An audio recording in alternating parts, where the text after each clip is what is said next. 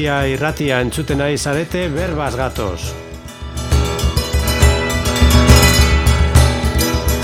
Berbaz lagun bat, mundu bat indartsu gatu zitzialditik, iniz baino indartsuago eta eta gogotikago gatoz berbarako eta hola betiko moduan itaunak erantzunak itaun gehiago urrengoetarako, badakigu beti itaunak pisten direla elkarrizketetan, Eta, hola, ze, ordu bete solasean emateko gogoz, dakizuen moduan bilbo iria.eus eta arrosasarea.eusen izango duzu entzungai, eta deskargatzeko moduan gaurkoa bebai, berbaz, bilbo iria irratian.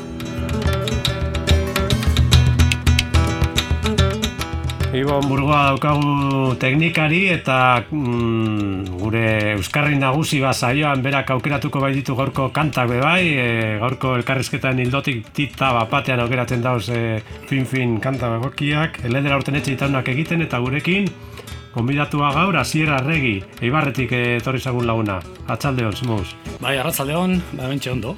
E, berbaitzeko prest.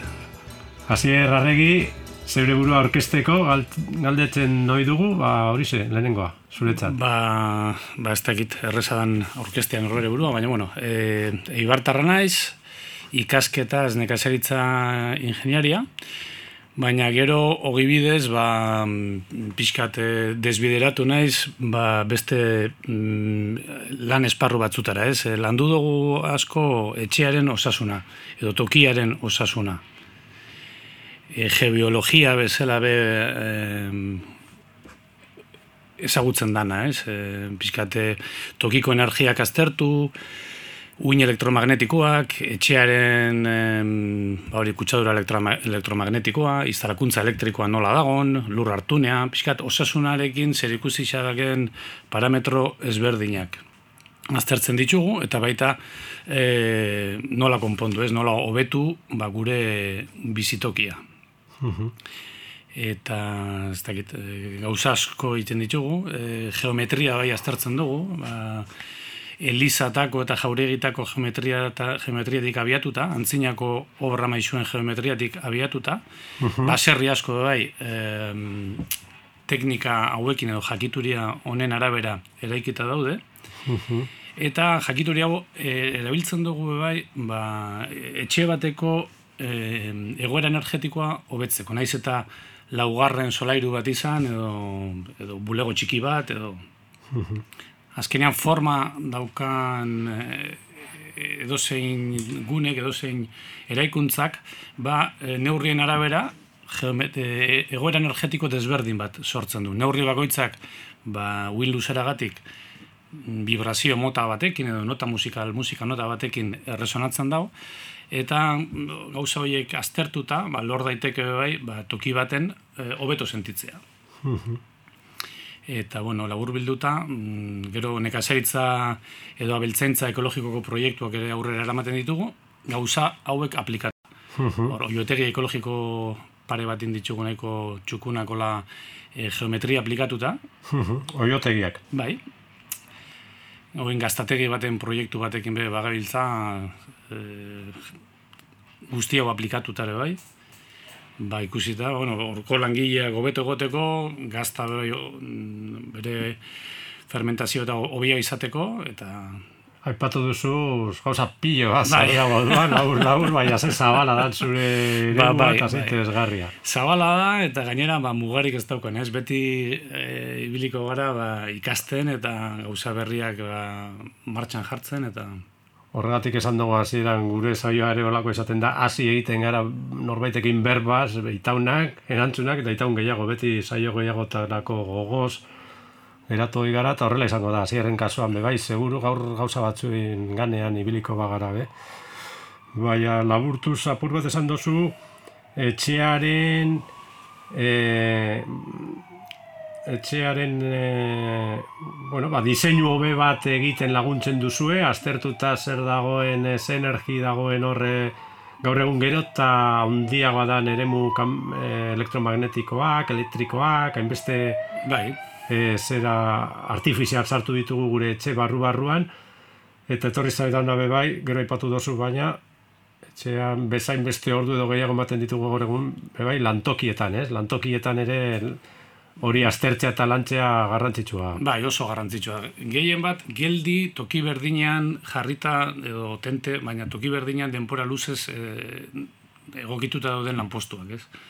Horko horra adibidez azpitik, ba, pasatzen baldin bada, ur korronte bat, edo beste aldagai geologikoren bat, oso ohikoa da pertsona e, toki horretan ahultzen joatea. Hmm. Ba, toki energia horri egokitzeko gorputzakin behar debelako alako indar e, ekstra bat, ez? Eta hmm. Orduan, ba, hori hobetzen, ba, lortzen dugu ba, pertsonak bere lan postuan gutxiago nekatzea, hobeto bukatzea, ba, saspi sortzi ordu lan egin, lan egin da gero. Eta hmm. azkenean lan, lana daukagu emaitzak daudelako. E, gure lanaren euneko laro eta mazortzea, ba, laro eta meretzi ez esateagatik, e, haos, haos agokoa da, edo hautik belarrirakoa, ez? Hmm. Emaitzak daudelako, ba, askotan etxe askotan, ba, e, hobekuntza txiki batein eta ordutik behin esnatzen den e, ume txiki bat, titi hartzen ari den ume txiki bat, ba, azten da bat batean saspi sortzi ordu lo, lo egiten, eta orduan izaten da oso e, eraginkorra. Oso eraginkorra eta oso ikus, ikusgarri oso, errez, oso errez ikusteko. E, ikusten da. Hmm. Orduan oso saltzen ari da zuen e, zereginaren e, berri eta... Da. Bai, bai, bai. Asko dago ikasteko oraindik antzinako diseinutaz, ze askotan, gure ogibide hontan, ba, askotan jasotzen dugun enkargutako bat izaten da, ba, etxe berri bat egiterak orduan, nun kokatu. Azpiko urkorronteak eta bar e, kontutan eukita, e, nun, nun kokatu etxea. Eta, eta asko egiten dutena da, saiatu tokirik libreen aurkitzen. Urkorrontetatik aparte eta faiatatik aparte, eta, hola, eta begiratzen badugu gure baserriak eta nola eginda dauden, ez daude ies egiten eginda. E, eginda daude, energia bietara egokitzen. Adibidez, e, baserri bateko ate batetik oso ohikoa da ur korronte bat pasatzea azpitik. Orduan, hermetismo lehenengo printzipio jarraituta, ba, azpikoa goian bezala, azpitik pasoko toki bat dan bezala, ba, goian ere aprobetsatu, ba, pertsonak sartu eta urtetzeko. E, energia hori onuragarria e, da etxe baterako. Nola, zer esan nahi duzu? Ba, e, ur korronte bat pasatzea etxe ba, bateko sarrera sarren azpitik bai, bai etxe, etxe normal baten e, atetik urkorronto bat pasatzea energetikoki onuragarria da etxe horrentzat. Ba, dalako azpian ba, flujo toki bat eh, pasabide bat, eta goian ere ba, pasatzeko toki Elizatan be bai, eh, Elizako bateetatik urkorrontea dauzkagu. Bueno, Elizatan ja, komplexuagoa da, zera, altarian be, normalian ba, urkorronte edo beste energia mota batzun gurutzeak egoten dira, eh, bai zentro geometrikoan eta baita e, altar inguruan be bai. Ur korronte, azpiko ur korronte gabe templurik ez dago. Orduan Elisa dira, ba hori, ez, adibide oso nabarmena, nola egokituta dauden eraikuntzak azpiko energiei. Altaren azpietan bai. askotan ur korronteak diozu, ez? Ba, eta berez dira, ba, antzinako trikugarrien ba, kopia bat e, eskala handiago baten. Uh Han ere, ba, jendea atzera eta aurrera bilten dalako, ala? Ez, bat, e, egoera bereziak sortzeko tempulak direlako, ez? E, asko esaten da, trikuarriak eta, ba, edo, edo arrezpilak, romletxak, ba, enterratzeko tokiak e, zirela, ez? Hori esatia, nik uste dela, esatia, gaur egun esatia bezala, ba, elizak enterratzeko tokia direla. Badago, badago e, hmm. lurperatze batzuk horre dagoak, baina beste erabilpen batzuk dituzte. Hmm. Eta ba, triku harrietan bebai, ba, uste dugu horrela, horrela dela, ez? Hmm. Ez dirala e, obiratze soiak. Zer gehiago? Ba, Ematen zan bertan? Eh? Zer gehiago gertatzen zan? Ez dakigu, baina segurazki ba, e, erritu ezberdinak, e, egoera bereziak sortzeko e, forma ezberdinekin, ez? Askotan, guk asko aztertzen ditugu, ba, gorputzian txakratan zer sentitzen den. Ez, e, badaude, gert, batetik bestera distantzia gutxi dauzkaten trikuarriak, eta baten sartu, eta os, igual normala izan daiteke, ba, sabelaldia sentitzea indartuta bezala, beste batzutan ba, igual e, lepua, beste batzutan bihotza. Hmm. Orduan, ba, nik uste dut energetikoki, makina energetikoak dirala. Hmm. nola erabiltzen ziren, ba, ez dakigu, ez? Bertara joan beako baina mm, eta hor ba, badire bai, ba, bostriku harri elkarren artian e, eraikitako toki asko Europan, ez, Frantzian eta hola, eta oso normala da, bat, bakoitzean zerbait desberdina sentitzea. Hori pasatzen da katedraletan. Adibidez, Bartzelonako katedralean daudela zazpi kapilla alde batetik e, barruraino heldu arte, eta bakoitza da, ba, bakoitzak erresonatzen dau txakra, bak, txakra bakoitzan energiakin. Ordan mm. azkenean dira, ba, maixulan e, energetikoak, ez? Maixulan energetikoa, bizigune energetikoki oso berezia ziren bizigunak eta pentsatzeko bertan erritu, zeremonia, ospakizun mm, bereziak. Bai, zalantza gabe, eta e, gainera danetan, dela. danetan daude diseinuak ba, eguzkiaren ba, bai solstizio edo kinozio edo pixkat e, urteko momentu jakin baten arabera edo urteko momentu jakin baten araberako eguzki irteren edo sarreren arabera sortuta, ez, ba, orientazioak eta bar. Uh. Aipatu duzu hasi eran asko daukagula ikasteko aitzinako jakituritik, ez da? Bai, eta... Zerbait badakizu, baina mugagabea dala ematen du, ez da, gai honek? Ba, bai, bai, nik uste baietz. Eta Euskal Herrian argin asko e, izan ditugu. Hmm. Eta arlandua agartzen den eraikuntzatan normalian energetikoki landuak dauden e, eraikuntzak dira. Bai, baserri, jauregi edo elizatan, ez? Barkatu? Ba, e, arlandua edo... Bai, bai. arlandua agartzen den obra maixuek, bazuten jakituria bat, hau e, pasatzen zana, eta maixutik ikaslera bakarrik. Eta hmm. askotan, maixu bakar batek bere bizitza zuen, ba, bi edo hiru ikasle izango zituen hmm. asko jota. Hmm. Eta gainera hermetismoz. E, informazioa, etzan, etzan, e, etzan publikoa. Ez dakiguna da, zelan, mm, gauza guztiekin engainatu gaituzten boteretik, ez dakiguna da, mm, e, zera, ba, mm, erdiaro garaian eta bar, e, susmatzen dugu mm, jende gehiago basekiela gauza hori buruz, baina ezin dugu ziurtatu. Zabalago azala jakintza bai. oso arrunta. Eta behar gero hermetismo hori, ba, bai, askotan hermetismo hori zigorraren eraginezkoa izaten da, ez?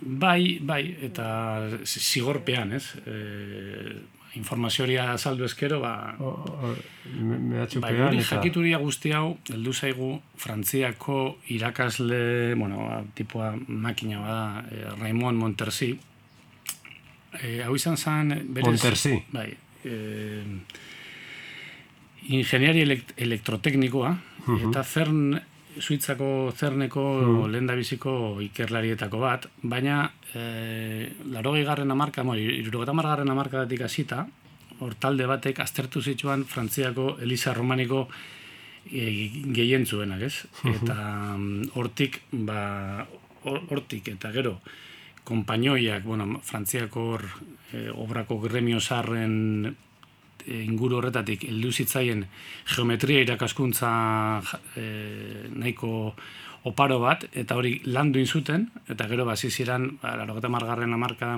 bi mila, larogeta mapikutik aurrera, ikastaroak ematen, eta, eta, eta ikastaroak ematen hasi ziranean mehatxuak ere jasan zituzten. Zer, egin zuten bai lan bat, mm, bordele inguruan, maztiekin eta zutarriak edo menirrak, menirrak jartzen, ba, maaztien osasun egoera ba, izugarri hobetu zuten, Eta gero, horria ba, interes ekonomikokin sartzen gara, ez? E, ba, pestizidak eta abar, ba, asko gutxiagotzeko bidiak jarrita, ba, nor, txok, txoke pizkat egon zen. Enpresa handiekin, ba. Eta azkenean jakituri hauek ba, ondo ongo litzake ba, guztion onerako gehiago zabaltzea. Ez? E, ba, informazio guzti hau eta... Raimon Montersi, bai. zu. E, bizi dira bera eta, bai. eta iraunean eta jardunean eta... Bai, bueno, ja, bere urteak dauzka, ez dakizen badauzkan, baina laro gehi inguruan. Hmm. Eta, eta bueno, bere, bere izan da iturria pixkat. Eh. Hmm. Eta bere inguruan sortutako elkarte talde do... Oin Espainia mailan badago e, talde bat, e, Raimon Monterresi bere izenakin, uh eta izan asoziazion, ez goratzen bere taldeko izena. Baina badago elkarte bat bere izenakin eta, eta hori kastaroak bere ematen dira, gero bera, e, berakin Dominik Susani beste beste hor maizu bat bai egon zan e, ba, ikastaroak ematen, eta bueno, guk hortik itur horretatik e, e, edan dugu, ez? Eta gero, ba, gure kasa, ba, hasi gara garatzen, ba, beste beste historia batzuk. Ba, suposatzen dut bertako jende zaharrarekin edo jakintzu batzuekin ere harremanetan, ba, bertan oraindik e, bizirik egongo diren jakitura izpi horrek ere biltzen ibiliko zaretela, suposatzen dut. Ba, la, denbora okingo bagendu bai. Baina gauza askotan, gauza askotan e, sartuta gabiltza eta eta bueno, entxe gure proiektua izan da azken bi urtetan garatu dugu alako lauburu antzerako bat. Hasieran e, bere helburua zen ba, lurrean bilatu puntoren bat, punto energetikoren bat lurrean jarri eta ba, logela bateko egoera energetikoa hobetzeko, ez? Ba, ur korronte baten eragina gutxitzeko edo alako alako helburuekin el, diseinatu genduan. Hasi parkatu laste sartuko gara hor, etentxo bat egingo dugu lehenago, baina eh zatitxo hau zarratzeko arginak aipatu duzunez eta Euskal Herrian asko eta gero Raimon Montersi eta bien jakintza ipatu Torri zai bere burura oraindik ere e, Ipar Euskal Herrian argin desente dagoela eta mm, orain dela gitxi arte eta gaur egun ere esango nuke mantendu da asko jendeak euren etxea berregitea eta argintza eta baserria egin alizateko jende jakitun gazte asko ere oraindik bizi bizi dagoela. Iparraldean apurbete esango nuke euskal ego Euskal Herrian, baino biziago dagoa eh, norbere etxea egiten konpontzen eta arginak ba, berez mm ofizio hori edo, edo jakintza hori biziago dagoela. Hala? Ba, ez dakit, ez, ez dut ezagutzen askorik eh, iparraldeko egoera, baina gustatuko litzateke, ba, ba, ba horretan lanian diarduen jendia baldin badago, ba, ba ezagutzia eta pixkate kontaktuan jarri eta ikustea ez. E... Ba, zubilanak egingo dugu, ze bai, badago hor bizi izan gara tarteka eta eta susmo hori ba daukan di bentsat. Jende, ba, ondino biziago dagoela argintza bereziki eta baserria egitea eta harriz egitea eta... Euska, harri baten, harri baten e, tamainan arabera, e, harri horrek energetikoki ba, sor dezake vibrazio mota bat. Hor, vibrazio motak zailkatzen ditugu ba, e, lau elementuekin eta bosgarren aeterrakin. Ba, lurra, oza, bai, lurra, e, ura, airea eta sua. Oran, vibrazio bat izan leke zuan e, energiana, beste bat lurrana, eta sor ditzakete ba, egoera desberdinak. Eta askotan badira, ba, ore, orekatzeko, ba, toki batek igual behar dago, ba, potentzia gehiago, orduan sartzen zaio zua. edo uran neurriak sartzen ziren ba, egitura e, militarretan edo, edo bildurra dagoenean defentza moduan, uran neurri batek egiten dago toki bat bildu. Eta hola, ez, eterran e, energia izango litzake orekatuena, ba, bihotza, bihotza zabaltzen da bena. Eta oreka energetikoan, templo guztiek beti bilatzen dutena da lurran energiak orekatuta egotea zeruko energiekin. Eta e, antzinako templurik zaharrena zuaitza da. Zuaitza dauka, bere, dauzka bere sustraiak lurrari errotuta, eta gero adarrak e, zerurantz. Eta e, irudikatzen dute alago ere mutoroidal. Eta sustraia bebai lurrean zabalduz. Hori da. Eta hmm. sustraiak batzen baldin baditzugu e, adarrekin, sortzen dugu hor e, zeltak erabiltzen duten simbolo moduko bat, zuaitz bat, adarrak sustraiekin elkartzen dirana bai, kanpotik. Bai. Eta hori da, eremu, eremu toroidal baten e, egitura. Eremu toroidala da... Osotasuna. Bai, eta Horeka... izaki bizidun guztiok daukagun eremua. Etxe bat edo eliza bat orekatzen dugunean, lortzen duguna da toki horrek bere zentrutik abiatuta bere eremu toroidal hori lortzea, puntu ezberdinetan ikututa. Eta eremu toroidal hori lortzen da benean eraikuntza batek, ba, e, urkorronte, faia, edo jarman zarea, edo beste e, egitura energetikoak, eremu horretan banatu bezala egiten dira. Eta orduan toki hori ja desberdin sentitzen da. Edo zin pertsona naiz eta ba, ateo antiklerikal sakona izan, nik uste dut, edo- edozein pertsonak sentitu al izan dabela zerbait berezia ermita txikiren baten, edo, edo, edo naturguneren baten, ez? Edo zuaitz erraldoi baten azpian, edo... Izatez be hori izaten da, bermitak eta basoan eh, toki teluriko berezietan kokatuak izan direla, behar badalenik ere toki sakratuak edo herritarrentzat eh, zeremonia eta bizigune berezia ziren ez. Bai, zalantza barik, zalantza barik. E, oso interesgarri izango litzake denporan atzera egitea, eta ikustia zer zegoen aurretik. Zer, segurazki markatutako tokiak e, izango ziren, eh? nire ustez espairik gabe.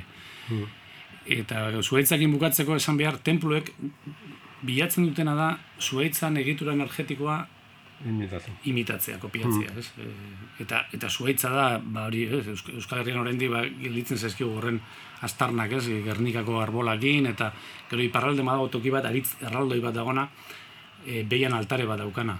Eta hor ba, be, ba e, ospakizunak egin dira, edo eskontzak edo e, zuhaitz horren Non magalian. non, eh, zazki? Ba, ez dut gogoratzen, baina e, lagun batekin itsasora joan ginen, Bai, Oier itxaso Sarasuekin. herrira, bai. Itxaso herritik, ba, ez dakit, ez dakit zehazki esaten non dagoen, baina badago hor aritz, Bai. aritz berezi bat.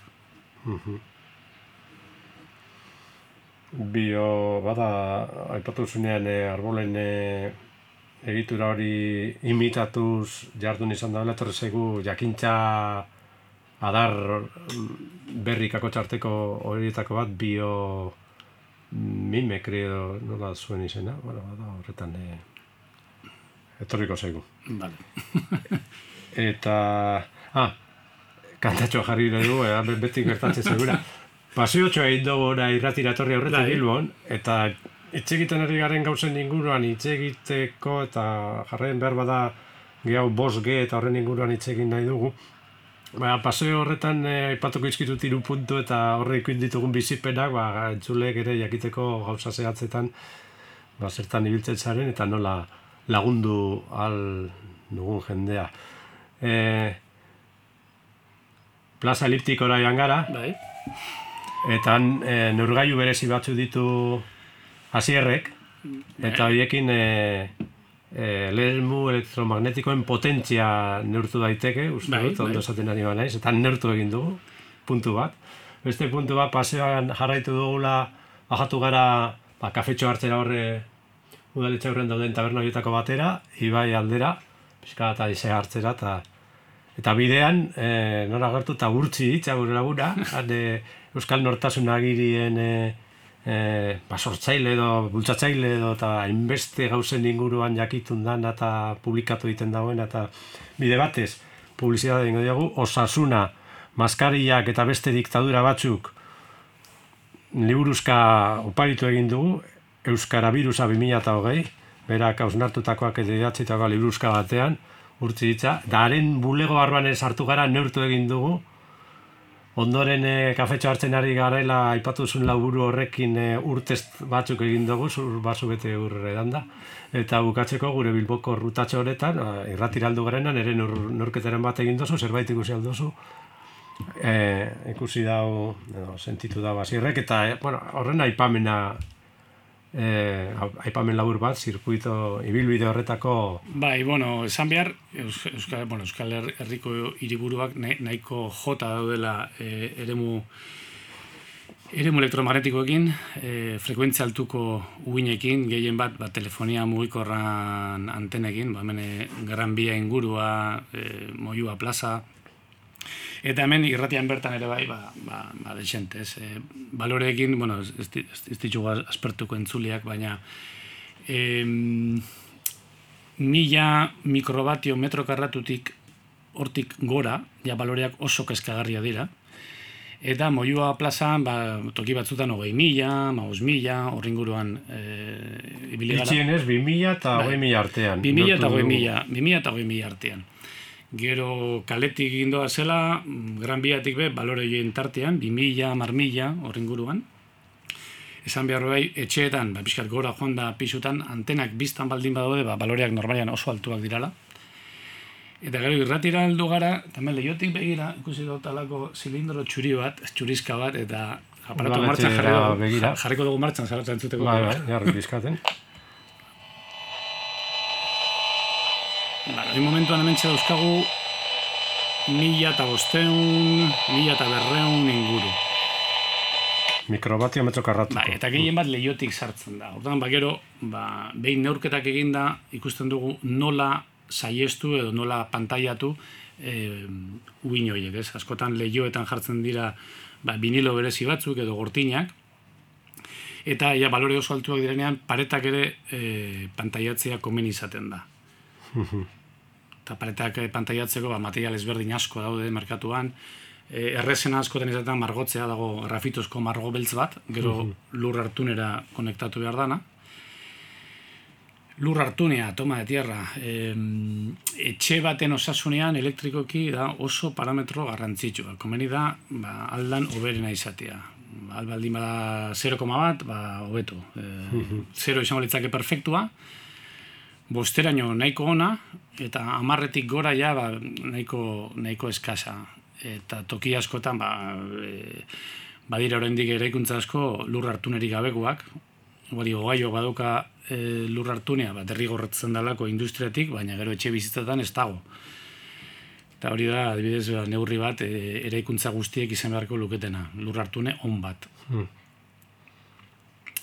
Aipatuko dugu e, bulegoa, bulego batean bai. egon gara, orden nagailuan lan egiten duen persona bat zan, e, ordu pila bai. bat egunero horrematen dituena, eta keskatuta zebien osasuntuari dan ez zer ikusi dagoan? Ban, bueno, ez, ez dugu e, frekuentzia altutan, zeren bulegoan nahiko kogazulua dan, barruan, barruan oso garbi, oso garbi zegoen, amar, amar, amagost, ja, balore, balore seguruak, esango genuke, Baina, justo jarlekoan zeukan azan, ba, zerbait geologikoa, edo telurikoa, nik faia bezala e, sentitu do dena. Eta, ba, bera, testatu dugu kinesiologiakin, eta, bueno, ba, ba, justo lanpostuan kaltetuta zegoen, eta lanpostutik kanpora, bai, hobeto, indartuta. Hmm. Aldagai geologiko bat, edo teluriko bat, gure azpian daukagunean, normalean, gure sistema asko ahultzen da. Zer, gure sistemakin behar da horri, aurre egiteko ba, esfortzu bat. Eta hori, ba, kinesologiakin, eh, errez, errez ikus daiteke, eta kinesologia da, ba, e, test muskular bat, ikusteko gorputzak nola erantzuten daen punto baten, eta nola erantzuten daen beste punto baten, mm. edo beste dozer gauza nortzeko, baina honetan erabiltzen dugu. eta... Bueno, ikusi dagoz gauza batzuk, eta azpimarratuko eta zienen e, bota osun e, ideia hori, ontsa kantu entzuko dugu, e, atinako jendeak egin izan dauen moduan jarraitu dezakegula, ez? E, ez zauen hainbeste toki perfektua energetikoki horrekatua zegoen toki horren bila egiten, baizik zeuden tokian zeudela ikar, bazekitela eta e, nola moldatu etxea, nola moldatu etxe barruko egiturak, elementuak kokatu eta babes neurriak Bai, bai, oreka horren bai, bila, ez? Aukera badago toki honena aukeratzen zuen, bai. hor, ba, mendian errez ikusten dugu, badago baiara zati batzuk, ez da hola, ez da baserririk ez da ezer, eta bai. normalian azpiko lurrak oso eraginda daude, orduan hor eraikitzeko ja toki txarrak dira. Bai. Gaur egun, ba, interes urbanistikoekin edo tokitan eraikitzen dugu, eta edo bai. modutan. Bai. Antzinak gehiago, gehiago iratzen zen. Gehiago iratzen zen. Bai. Ale, gehiago eta gainera, e, mimo handiz eta tokira ondo-ondo egokituta. Hmm. Eta ala ere, ba, bueno, dauden tokian daudela, ba, daudela, ba, esate dako emina ipatu zuen leio honen inguruan, ba, bez neurri bai, bat bai. jartzea, edo, bueno, badago kagula, daukagunarekin nolabait egokitzea. Bai, ba, daukagu, eta gero, buka, bueno, gero jarretuko dugu pizkat, higiene elektromagnetiko kontzeptua e, aurkesten, ez? E, ni, ni gaur asko postu nau, zure mugikorra ikustiak, e, mugiko ersarro egiteko bat, e, internet gabe eta zer askoz teknologia garbiagoa, ez? Orduan, ba, bueno, mugiko eta ba, nola erabili, e, sakelean sartzen dugunean, ikasi, deskonektatzen, bluetootha, datuak, kokapena, ze bestela antena bat daukagu gure gorputz barruan, ba, utzi bakarrik telefonoa, ba, telefono deiak jaso balizateko, e, jasotzea espero baldin badugu, baina bestela eh, teknologia inalambriko guztiak itzalita. Wi-Fia, mm. datuak, Bluetootha eta kokapena. Hori oso garrantzitsua. Zentzuk itzalita? Danak, danak. Danak. eta gero piztu, ba behar dugunean, ba, etaratzen bai. dugu zakletik, piztu, bai. jaso guztiak. Itzialdian etorri zitzaigun e, berba, gero eta gehiago bultatzen ari zaizkigula, eta gu jarraitzen, gizakitik gizamakira pasatzen ari gara. Bai, Ba, makina horregarik, e, gerotak itxigo gara, eta eta ganera etengabe konektatuta eta gure aldean Eta dependentzia izateko, sortzen. Bai, zela, ez, eta de, gizamaki. bosgeari buruz ez dugu, baina bosgea eh, guk ez dugu eskatu. Nik bentsat, bueno, ez dakit, eh, Eukingo ditu gauza onak bai aprobetsatzeko, ez? Bai. Baina, baina daukagun teknologia ho- hobetu edo osasunan ikuspegitik bai, seguro, inaldirala gauzak, ba, uin hoiek, u- uin hoien kaltegarritasuna gutxitzeko, eta ez dago ikerketarik esparru horretan. Dauden ikerketak mm, zentzuratu indira, hor oso garrantzitsua esan zen, 2000 garren urtean eh, hasi zan ikerketa proiektu bat, Reflex, Reflex proiektua deitzen dana, eta Reflex proiektuan helburua zen amabi urtetan, lau urtetako hiru hiru ikerketa alditan, eh, uin elektromagne, frekuentzia altuko uin elektromagnetikoen eragina neurtzea eh, osasunean. Gainera esan, Europa mailako proiektu bat, amabi, amabi estatuk parte hartzen zuten, amabi urtetarako, osea, eh, oso ondo pentsatuta, ez? Hasi zen 2000 garren urtean, eta 2000 eta lauan aurkeztu zituzten beraien lehen biziko ondorioak. Eta ondorio horietan agertzen zen, ba, e, uin elektromagnetikoak, ionizagarriak ez diran uin elektromagnetikoak, epe luzera ADN katiak puskatzen dituztela. Hmm. Eta hori publikatuta gero, ba, bertan bera gelditu zen ikerketa. E, 2000 eta laura arte izan e, beste sortzi urte zituzten ikertzeko, baina e, diru, diru laguntza edo diru e, iturria moztu zitzaien. Eta ito arazi. Horri ze, ba, askotan e, bizirugun errealitate. Eta, Oso, claro. oso askea, baina guzti zentzuratu etengabe. Eta gaur egun ere, ba, nik ez dakit bosgeak eraginik eukingo duen edo ez e, koronavirusean, baina hori e, esatia zentzuragarria da gaur egunean. e, milaka bideo zentzuratu dira YouTubeen, eta argi dagoena da, uin elektromagnetikoak, gainera zientifikoki demostratuta, ADN katiak puskatzen dituztela. Eta zer da virus bat? ADN kate bada, ez dago, ez dauka bizitzarik, eh, orduan, PCR test baten positibo ematea, ba, koronavirus zehatz hori dan edo ez, ba, oso zalantzan jartzekoa da, e, are gehiago, ba, PCR-an asmatzaileak, Karimulis, Karimulis berak, Nobel sari ira- irabazi zuen em, PCR-a asmatzeagatik, eta pena da, 2019an hil, zala gizon hau, ze bere bizitzako azken urteetan e, defendatzen zebana zen berak, e, osea, bere PCR test hori etzala baliagarria gaixotasun kutsakurrak diagnostikatzeko. Hola, zuzenean. eta virusan e, existentzia bera e, zalantzan jartzen, ez? Virusa ulertzen gehiago gaixotasunaren ondorio bezala eta ez arrazoi bezala.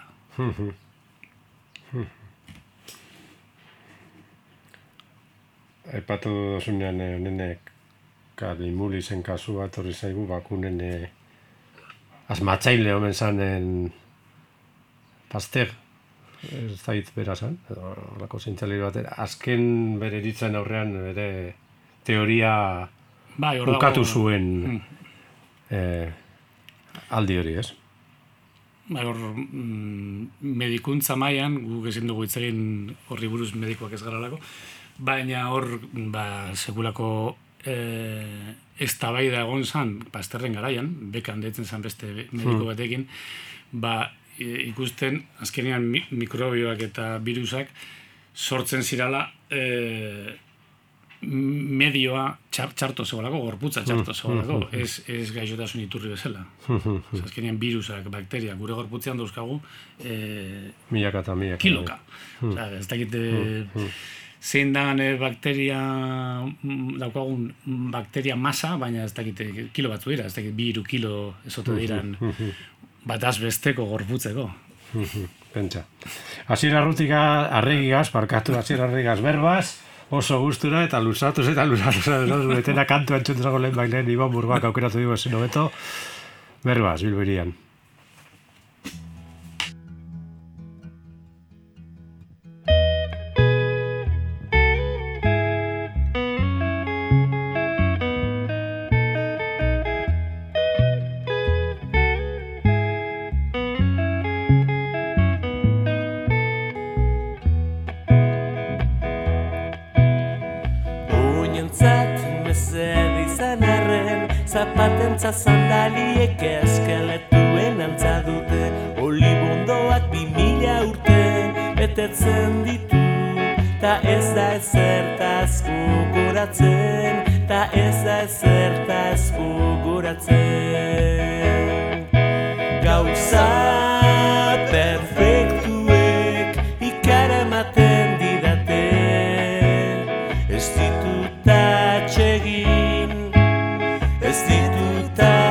seguir.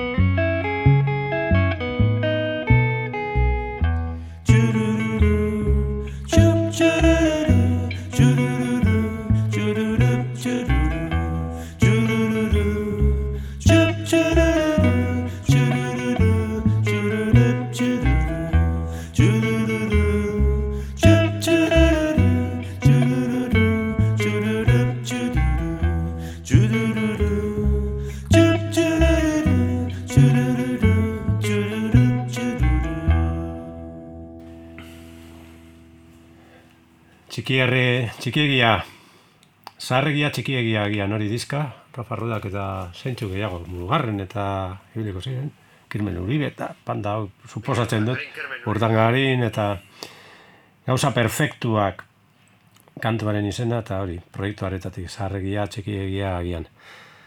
Ibo Murgoak aukeratu digu, oso, oso fin hemen be bai, ez da, ez dagoela hori, ba, letra okerra zibiltzen garela, eta gure saioa ere holan kaotikoa izaten da, ez dakik oso ondo zer ninguna berba ingo dugu, ba, hago iparren bat, baina hor ibiltzen gara e, ibian, eta wondering esaten daen moduan inglesez, ez, ba, nora esean begira, eta observatzen zer emoten duen elkarrizketak.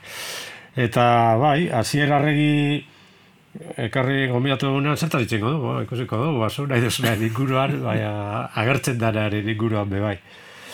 Eta gai bat bai, e, oraintxe e, esan dugu, ba, bos G aipatzen hasi zara, eta horren inguruan ba, oso kontu indartxu eta eragin itzela ekartzen ari omen dana, eta, eta gure bizitzetan, aurrerantzean, eta gure ondorengoen bizitzetan, ba, eragin itzela dakarren zeo zer izan da, ba, horren inguruan pixka bat gehiago jakin nahi dugu. Entzun egin izan ditugu gauza batzu, baina oso gutxi, zuri hitza, zier, kokatu Ba, gaitezen pixka bat. Kokatzeko, bueno, Eta baita ere, aurrera begira, eta orain txeazita zer egin dezakegun eh, honen inguruan. bueno, bos, bos giek zer duen e, osasun aldetik, ba, esperimentu bada. Ez dago frogatuta ez. Lehenengoz definitu ezagun bos gez, ze batzuk bai entzunda eukiko dabe, beste batzuko igual Bai, behar bos- da, oraindik eh, ez. Bosgek adierazten dabena da, ba, bosgarren belaunaldiko, bosgarren generazioko mm, teknologia e, inalambrikoa edo orduan, ba, bat G izan zen, ba, le- lehen da biziko mugikorraiek ez, zapatofono eh, haiek, eh, 2G, ba, zu daukasuna, zu daukazu mugikorra, ez, orko Nokia txiki horiek eta alako, alako zerak.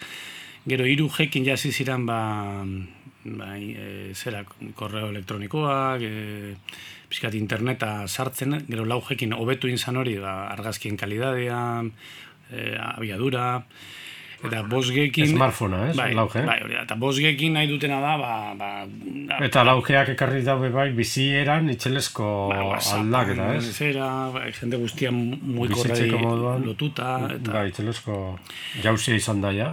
Eta, Eta Orain 5G. Eta orain 5G. Ba, denborak, denborak esango dago, eta aztertzea nahi baldin badugu, ez? Ze, uin elektromagnetikoen eragina, e, oso dokumentatuta dago, pasatzen dena ez, ez dugula nahi begira, atzera begiratzea. Hor badago liburu bat e, erreferente itzela, e, Ar- Ar- Arthur Fistenbergen e, zan da, The Invisible Rainbow edo hortzadar ikustezina, Eta eh, azten da, ba, lehen da biziko ikerketa zientifikoak ja emeretzigarren mendian hasi ziren ikertzen ba, e, eremu elektrikoen eta deskarga elektrikoen eragina gorputzean eta Bai. Eta pixkat gripe kasuak ikusita, da mila sortzirun dara beratzean sortu zen lehen biziko gripe eh, pandemia, eh, Rusiar gripia deitu izan zana, hmm. eta e, bere eta koinzidentzia osua dago korronte alternoa hiriburuetan eta Europa eta Amerika guztian banatzen hasi zan urtea. Gero, Espainiako gripea ditu izan zan, edo mila bederatzen da mazortzi, mazazpia mazortzikoa, hor militarrak hasi ziren lehen biziko irrati uinak eh, emititzen. Eta gero aurrerago, bebai, ba, mm, elektromagnetikoki gizakiak aurrera egin ala, sintoma berriak sortu dira gizakiotan. Orduan, esaterako, diabetesa, meretzigarren mendian, amazortzigarren mendian ezagutzen zan, baina ezagutzen zan da oso dokumentatu da gainera, baina oso oso kasu gutxi eh, oso, oza, zan ga- gaixotasun oso arraro bat. Eta gero, eh, elektromagnetismoak aurrera ina ala, ba, badago alako korrespondentzia bat, eta estatu batuetan, eskualdetik eskualdera bai. Ba, lehen da bizi e, hiriburutan, eta gero ba, inguru, nekazari ingurutan eta ba, sartu zen askoz beranduago. Eta berdin, ba, bihotzeko gaitzekin. Hala, eh, esan nahi desuna da, historian zehar eh, eremu elektromagnetikoak eh, asko gehitu diren eh, unetan, aldietan, eh, gaixotasun Berriak barria sortu sortu dira, Bai. edo zeudenak itzeleratu bapatean. Bai, eta adibidez, gizon honek, ikerlari honek e, idazten damenan arabera, Hau, Badibidez, Arthur bai. Fisenberg, Rumble. Bai, kirolari gaztiei bihotzekoak eman da hola e, hiltzea, hori gauza nahiko berria da, eta hori ba, egozten dio e, telefono mugikorren garapenari. Ba, berrogeta margarren amarkadan, adibidez, oso arraroa zen bihotzekoak eman da kirolari gazte bat hiltzea. Gaur egun asko, asko futbolariak, zera, az, kasu asko, kasu asko gondira. Eta, oin, ba, bosgeakin, ba, segurazki, sintoma berriak sortuko dira. Azkenengo hilabetetan, ja satelitetatik, frekuentzia berriak e, jasaten ari gara, eta orduan, ba, itxialdian, itxialdi garaian, ez dakit zenbat egon zinaten barruan da zenbat kanpoan, baina e, jende askori e, aitu dotzat, zera, kanpora, kanpora pixkat urten, ez dakit, ordu erdi, zera, rekauren bat, eta heldu buruko mina e, ahulduta bezala, ez? Orduan, ba, ez dakit horrena dan, edo ez, baina argi dagoena da, Kanpotik Frekuen- etxera sartzean, errekadu batzuk egin da gero etxera sartzeakoan, ahuldadea sentitzea. Bai, eta jende asko dago, ba, tripako, tripako minak, buruko minak, e, Hortan nik dut adi egon behar dugula, eta orain, ba, esaten ari dira urrengo itxialdea urrian izango dala, eta toki askotan errepikatu dugu, errepikatu, du- errepikatu dute. Orduan, mm, garai hortarako segurazki mm, 5Garen e, garapena bebai e, oso horreratuta dago da, eta ja e, herri gehiagotara helduko da. Orduan, ba, antenen inguruan dagoen jendia bebai adi, nik, propo- osea, proposatzen duena adi egotia, ba, sintoma berriak eta daudenean, ba, pixkat, e, e, ez pentsatzea zuzenean koronavirusa dela, ez? Edo, edo virusan mutazioa dela, ze hori bebai esan dezaketen gauza bada, ez? Ja, virusak mutatu dago, eta, eta gero, bildurran historia, bai, ez? Bildurran, bildurraren kudeaketa. E, maixula nahi da bildurrakin, eta iku- ikustia besterik ez dau, kalean, bazen ba jente da bien, ba, aire kalidadia murrizten dizun mm, Mozalagaz. mozalakin, ez? Beraz, e, susmoa, edo behar bada hipotesi bat, da, orain ekin izan dugun itxialdi debeko aldi hau, ba, virus bati egotzi izan diote, baina litekena da bai, ba, orain gertatzen ari da eremo elektromagnetikoen jauzi itzela handi horren ondorio edo horreri lotutakoa izatea. Bai, horre lotutakoa gehien bat ba, gutxiago nabaritzeko horregati dana. Ze, satelitetatik em- emititzen dana, ba, teiatupean mm, eragina mm, txikiagoa da. Orduan, azkenean gure gorputza, gure gorputza da pasada bat, da. Medioari ego- egokitzeko, Ha, esan nahi duzu behar egokitzeko makina kanpoan egonda, eragina handiago izatetek etxe barruan egonda Bai, et, baino. eta, ai ba, hain buruko minetan, ni bai, eta bez, izango litzake pixkate susmagarriagoa, ez? Eta Virusarekin, ba, hori pasatzen da, ba, nahiko e, estalita bezala. Ez dakit, eh? ez dakit horrela baina, baina gutxienez e, susmagarria. Eta mm, benetako zientzialariak izango bagina, edo, edo jakit, e, jakin nahi izango bagendu benetan, horregatik dan edo ez, e, nik planteatuko nuken esperimentua, izango litzake, ba, mm, bolondrez batzukin, e, PCR testean negatibo ematen duten e, bolondrezekin, isolatu, sartu itxialdean, baina um, uin elektromagnetiko berriekin beraien gorputzak eragin, denpora batez, aste bat edo, eta gero berriro PCR testa egin, eta ikusteko ia, e, aldatzen da negatibotik positibora. Aha. Jakinda, jakinda eta demostratuta uin elektromagnetiko, frekuentzia altuko uin elektromagnetiko hauek ADN katiak puskatzen dituztela, ba, zelulak puskatzen baldin badira eta zelulen barruko ADN hori, DNA hori puskatzen baldin bada, ea horrek positibo eman dezaken PCR testean. PCR testa ipatu zubin da berriro, Bai. eta gu isolatu eten garen ez informazio eta sasi informazio horren e, uholdetik, bat dakigu zer da, PCR zer da, hoe virusa detektatzeko. Bai, PCR da teorian virusa detektatzeko dagoen mm, modurik fidagarriena. Eta mm, dira e, inglesezko siglak dira, da polimerasan kate reakzioa, edo reakzioen cadena de polimerasas, inglesez. Eta test honek egiten dabena da, ADN satiak e, erreplikatu, hundituk, A- ADN horren kopiak bezala egin, eta gero testatu ia mm, pos, ia errepikatzen den ADN hori, ba, muestran badagon edo ez dagon. e, COVID virus honetarako edo orokorrean edo Orokorrean, izan, lehike ba, eh, bai, eh, IESan hau asmatu viruserako. zuen persona, lehen Bai, Kari, Kari Mulis. Kari Munisek Bai. eh, uko inziola bere testo horren fidagarritasunari bai. eriotzen aurretitzu. Bai.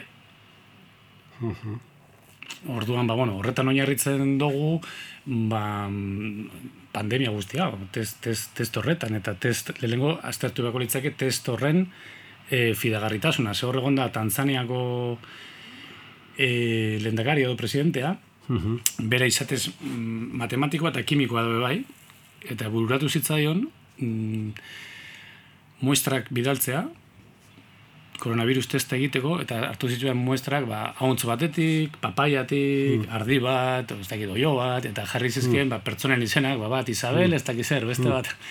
Eta papaiak eta ahontzak positibo eman zuten. Claro, horrek baino beto pasako dabe guztia, hori argi dago.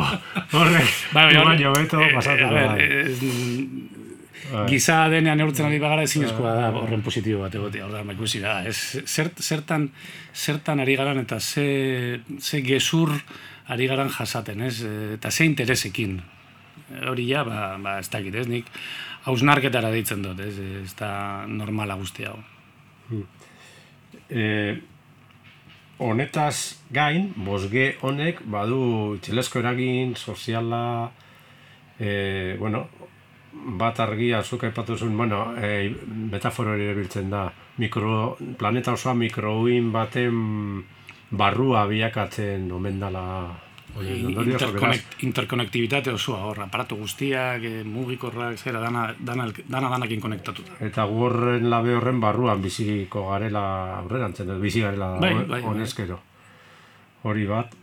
Bestea da bizitzeko modua bera, ez? Ze- Zelan e, Baldintza persona esan, dugu lehen gizakitik gizamakira pasatzen ari gara eta eta dirudinez hori gabe gero eta zailagoa ingo zaigu bizitzea.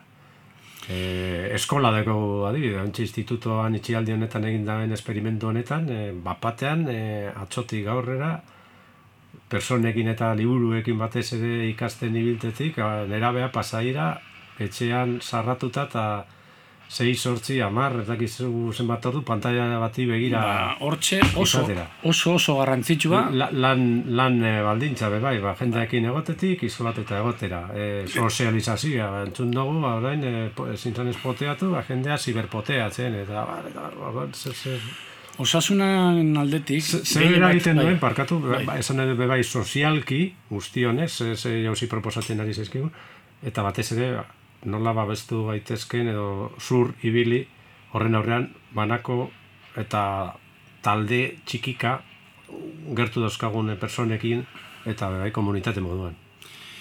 Bueno, eh, lehengo oso garrantzitsua, eta gehien bat, ba, nera bentzat eta umeentzat, eta, bueno, helduentzat be- ere bai, ez? E, etxean, hor, hainbeste ordu portatiakin edo ordenagailuekin, ba, Zoom edo Skype edo hau, e, te, teknologia hauekin konektatuta e, egoteko, Wi-Fia itzalita eta kable bidez konektatu. Orduan, routerrak deskonektatu daitezke Wi-Fia kenduta eta ordenagailura beti kablea. Eta zer egiten dugu, ondoan dauzkagun wifi sare guzti horren eraginpean gaudenean. Etxean sartu wifi, ez dakizen bakate, Bai, baina- amazortzi Bai, sarratutakoak, eta guk etxean ez dakogu, baina bat irekita zegoen da hasi erabiltzen dugu. Baina normalian wifia, e, pareta bat baldin badago tartean, balorea asko murrizten da. Teknologia guzti hauek almena daukate oso potentzia bajuan ere e, loturak egiteko. Orduan, e, bermatu behar dana da, ba, neurri, ba, neurri batzutatik bera egotea. Eta e, etxeko wifia gabez beti, beti, beti itzali, eta denpora luzez egon behar, bal, egon behar izan ezkero ordenagailuan, ba, asko sobeto kable bitxartez. Gainera, e, konexioa asko sobiagoa da, eta kutsadura ekidin dezakegu. Gero mugikorrarekin balen esan duguna, ez? Ba, soinean era, eramatean, ba, inalambriko guztiak deskonektatuta eramatia. Gero gu orain garatzen ari gara... Barkatu, esan bai? duzu, barkatu, e, errepikatu, bigarrena. ba, ba, ala, e, ba, inalambriko sistema guztiak itzalita eramatea. Ahalik E, eta gehien. Bluetootha, e, kokapena, datuak eta wifia, lau, lau horiek. Aukera daukagu mugiko horretan e, itzaltzeko, orduan itzali, eta eta poltzikora sartu. Eta gero, etaratzen duzunean, orduan piztu, eta jaso e, e-mailak edo whatsappak edo dana dalakoak, eta a- a- Bakarrik erabiliko duzunean piztu. Hori, hartu behar ditugu ohiturak, ba, higiene ohiturak, ba, eskua garbitzen ditugun bezala bazkaldu horretik, ba, Higiene elektromagnetikoa hori da, aipatu higiene bai. bai. Eta gero, ari gara garatzen, E, horren barruan, lotarako lotaragoa zenean, askoke ba, smartphone erabiltzen da iratzargailu moduan.